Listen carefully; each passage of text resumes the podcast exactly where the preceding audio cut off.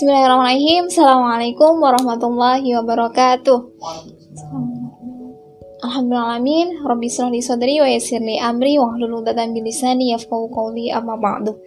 Alhamdulillahirrahmanirrahim. Sahabat Persada Wade kembali lagi dengan kami uh, pada kesempatan kali ini di program Persada Wade Talk. Ya, program ini adalah salah satu program baru di Persada UAD TV sebagai salah satu alternatif untuk teman-teman yang belum bisa bergabung pada kesempatan kali ini untuk tetap belajar di tengah pandemi seperti saat ini. Oke, alhamdulillah amin. Uh, untuk kesempatan kali ini telah hadir bersama kita Ustazah Nurmahni. Assalamualaikum Ustazah, sehat? Alhamdulillah alamin. Ya, uh, kesempatan kali ini kita akan membahas terkait dengan uh, isu atau tema terkait dengan perempuan. Ya, uh, sebenarnya bagaimana sih kalau kita zaman dahulu ya terkait dengan perempuan? Itu kan perempuan dianggap uh, sebagai sebelah mata ya, Bu.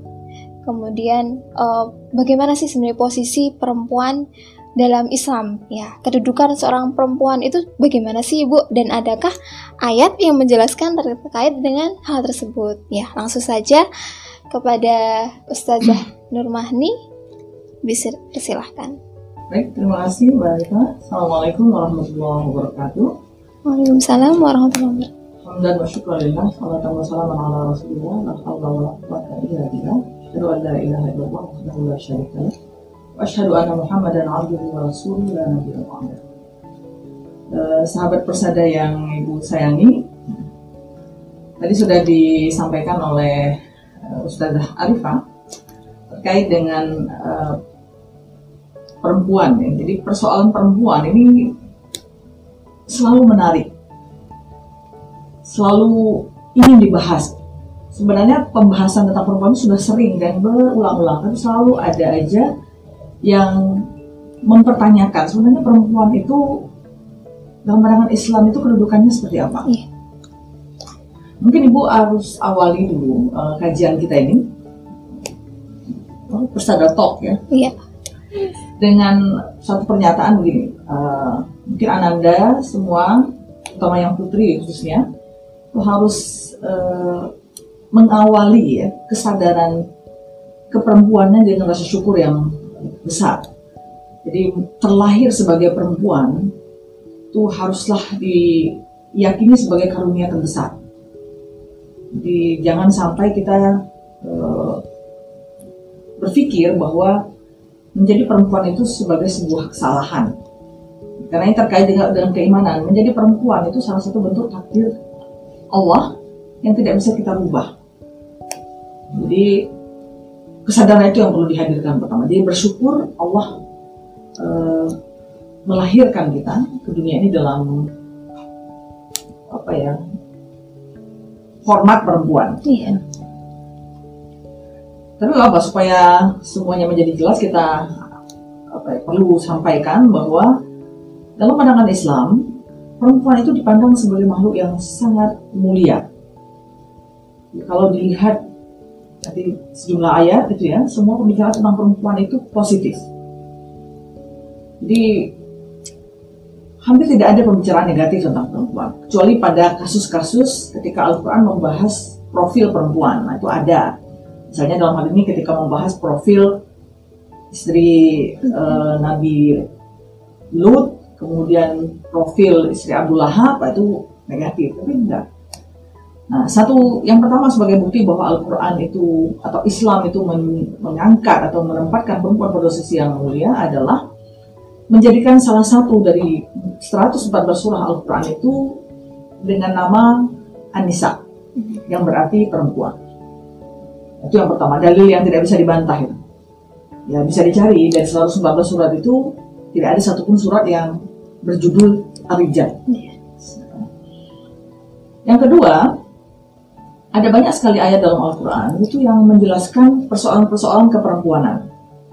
Walaupun ada surah khusus Anissa, tapi pembicaraan tentang perempuan tidak hanya berhenti pada surah itu. Jadi banyak sekali pembicaraan tentang perempuan yang disebar dalam beragam surah dan ayat yang lain yang ada dalam Al-Quran. Nah kalau mau dibuat cluster, tema-tema pembahasan perempuan itu Perangkat yang pertama itu terkait dengan uh, proses penciptaan. Jadi bagaimana perempuan itu diciptakan, kemudian terkait dengan apa saja peran yang diemban oleh perempuan di masa lalu ataupun di masa yang akan datang, bisa dilihat di Al-Quran. Kemudian kita bisa dilihat juga apa hak dan kewajiban perempuan, bisa dibahas. Misalnya di sini hak dan kewajiban sebagai seorang uh, anak, hak dan kewajiban sebagai seorang istri, misalnya itu ada di sana. Dan yang terakhir Al-Quran membahas perempuan itu dalam konteks profil. Jadi ada sejarah perempuan, bagaimana perempuan-perempuan di masa lalu yang Allah gambarkan. Perempuan yang menjadi penguasa ada, perempuan yang menjadi uh, penggembala ada. Jadi ada beberapa uh, kisah perempuan yang dibahas secara spesifik dalam wujud tokoh. Baik yang ceritanya bisa kita jadikan teladan atau hanya cukup kita jadikan ibrah. Baik kita akan mulai jadi pembahasannya terkait dengan uh, apa ya uh, urut-urutan. Jadi kalau dilihat pertanyaannya mungkin kita perlu jelaskan juga Mbak Reva. Yeah. Perempuan dan laki-laki itu berbeda atau tidak? Oh, iya. Jadi kalau dilihat dari ayat-ayat yang ada, tidak ibu tidak akan ambil banyak ayat ya. Di sini kita ambil sampel aja mengingat durasi juga. Uh, perempuan dan laki-laki itu disamakan oleh Allah dalam beberapa aspek. Iya. Yang pertama aspek penciptaan. Tidak ada perbedaan laki-laki dan perempuan dalam hal penciptaan mulai dari bahan baku sampai proses. Jadi bisa dilihat dalam surah Al-Mu'minun ayat 12. Allah berfirman, "Laqad khalaqnakum min sulalatin min tin." Kami telah jadikan kalian dari segumpal tanah. Jadi menciptakan sama. Sebenarnya tanah itu nanti diwujud ya kalau dalam proses biologi nanti menjadi apa ya dikonsumsi dari dari tanah sampai tanah, kemudian nanti di menjadi sperma dan ovum misalnya itu sama. Yang kedua, perempuan dan laki-laki itu sama dilihat dari untuk apa dia diciptakan. Dalam surah uh, Az-Zariyat Allah berfirman, uh, "Wa ma khalaqtul jinna wal ins illa liya'budun." Manusia kami ciptakan, jadi manusia laki-laki atau perempuan diciptakan untuk menjadi hamba Allah. Tidak dibedakan laki-laki untuk hamba Allah, yang ini untuk hamba saya enggak gitu. Semuanya jadi untuk hamba Allah. Kemudian ada juga dalam ayat yang lain Allah menjelaskan uh, apa tugas. Tugas manusia itu apa? Baik laki-laki dan perempuan. Tidak dibedakan, tugasnya sama. Jadi Allah menjelaskan tugas manusia, laki-laki dan perempuan itu adalah untuk beramal soleh. Mana amila Man amala salihan min dzakarin wa unsa fala nuhyiyanahu hayatan thayyibah. Jadi laki-laki dan perempuan kalau dia beriman, dia beramal soleh, maka kami akan memberikan mereka itu kehidupan yang baik. Jadi sama. Dan yang terakhir yang sama itu adalah kedudukan. Dan di mata Allah itu mulia atau tidaknya seorang manusia tidak ditentukan berdasarkan jenis kelamin laki-laki lebih mulia. Meskipun dalam konteks sosial kadang-kadang terlihat ya. Yeah. bisa terlihat laki-laki itu kayaknya lebih dimuliakan. Ini yang buat kadang-kadang perempuan jadi suka bad feeling yeah. ya masa tuh kok. Minder. Misalnya dalam konteks kalau ada cara makan ya mungkin bisa diperhatikan. Mesti yang ditawarin pertama tuh silakan pak. Yeah. nggak perlu tuh untuk ibu dulu ya. Sebab kadang-kadang dalam buat acara tuh ada dibuat meja khusus laki-laki perempuan. Jadi mesti setara. Tapi seringnya tuh yang persilangan yeah. pertama mesti bapak-bapak Lalu di sisi Allah enggak. Laki-laki dan perempuan sama dalam hal apa? Ketakwaan. Di inna akramakum indallahi atqakum. Manusia yang paling mulia di sisi Allah tuh yang paling takwa. Laki-laki atau perempuan sama. Kalau perempuan dia lebih takwa, maka dia lebih mulia di sisi Allah dibanding laki-laki. Begitu pula sebaliknya. Kalau laki-laki itu lebih bertakwa, maka dia lebih mulia di sisi Allah. Jadi ketakwaanlah yang membedakan posisi seseorang itu di sisi Allah, tidak jenis kelaminnya. Mungkin itu ya, itu persamaannya. Sedangkan perbedaannya dalam Al-Quran itu hanya disebut satu kali.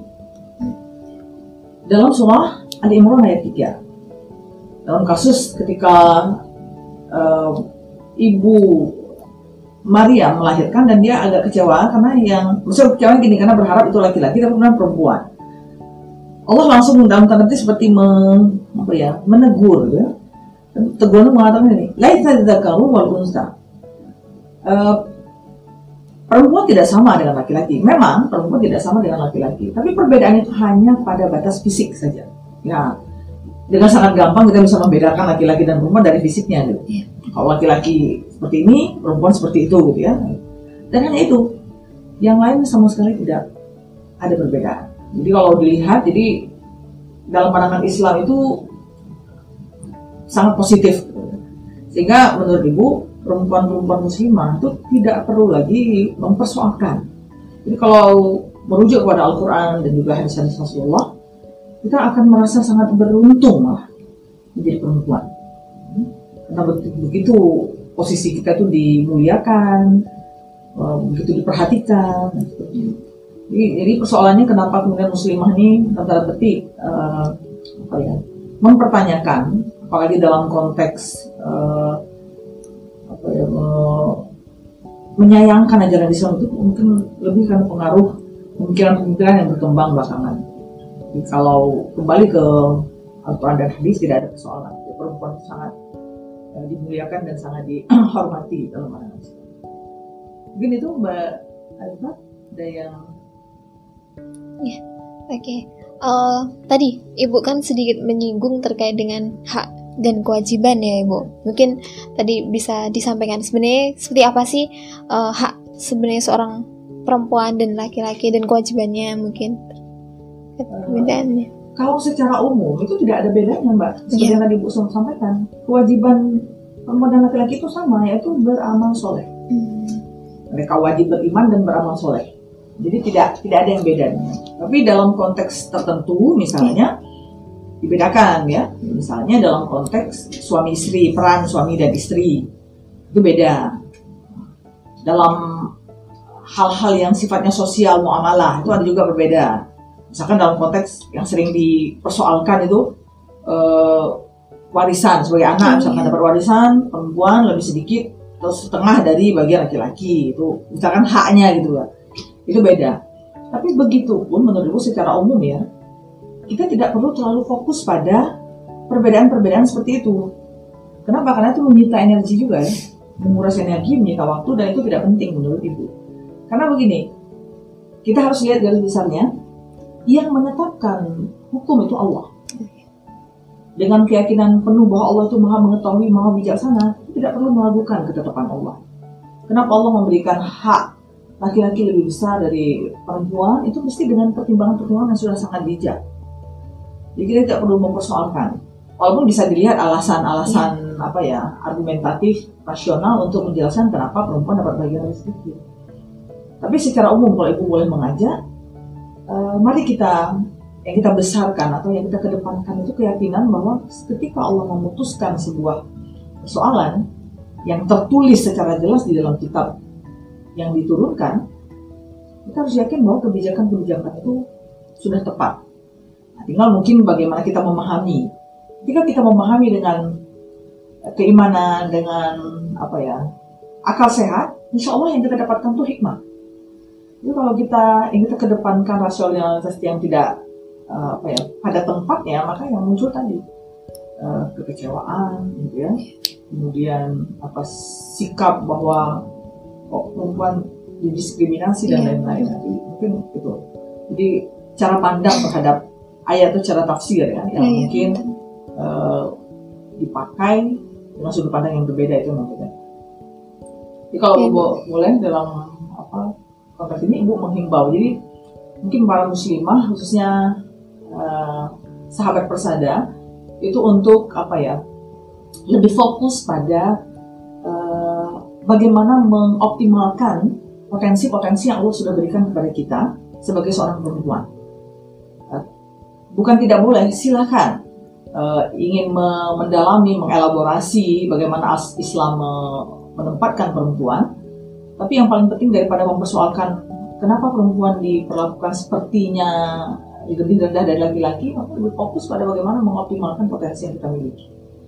Agar kita bisa tadi Eh, menjadi orang yang paling mulia di sisi Allah. Itu itu jauh lebih penting daripada hanya uh, meratapi nasib yang kayaknya. Ya. Jadi kok kenapa saya nah, itu tidak lebih baik daripada menemukan apa keunggulan yang bisa saya kembangkan dan itu kemudian dijadikan sebagai modal atau aset yang bisa menjadikan kita sebagai makhluk paling mulia di sisi Allah meskipun kita perempuan. Mungkin itu.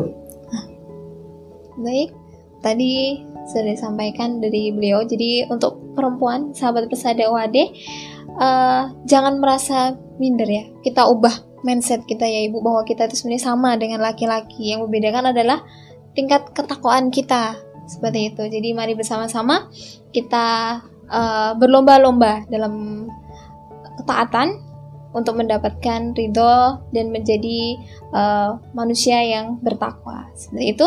Baik nanti teman-teman sahabat persada OAD, ketika nanti ada mungkin hal yang masih mengganjal, silahkan bisa menghubungi di nomor official persada atau nanti bisa uh, di kolom komentar dan jangan lupa untuk like, comment, and subscribe agar kami terus berusaha untuk berkembang dan tetap bermanfaat untuk semuanya. Kami sampaikan terima kasih Ustazah Nurmahni ilmunya yang sangat bermanfaat untuk kita.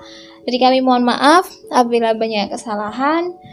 Kami akhiri Bilahi fi sabil haq fastabiqul khairat. Assalamualaikum warahmatullahi wabarakatuh. Waalaikumsalam warahmatullahi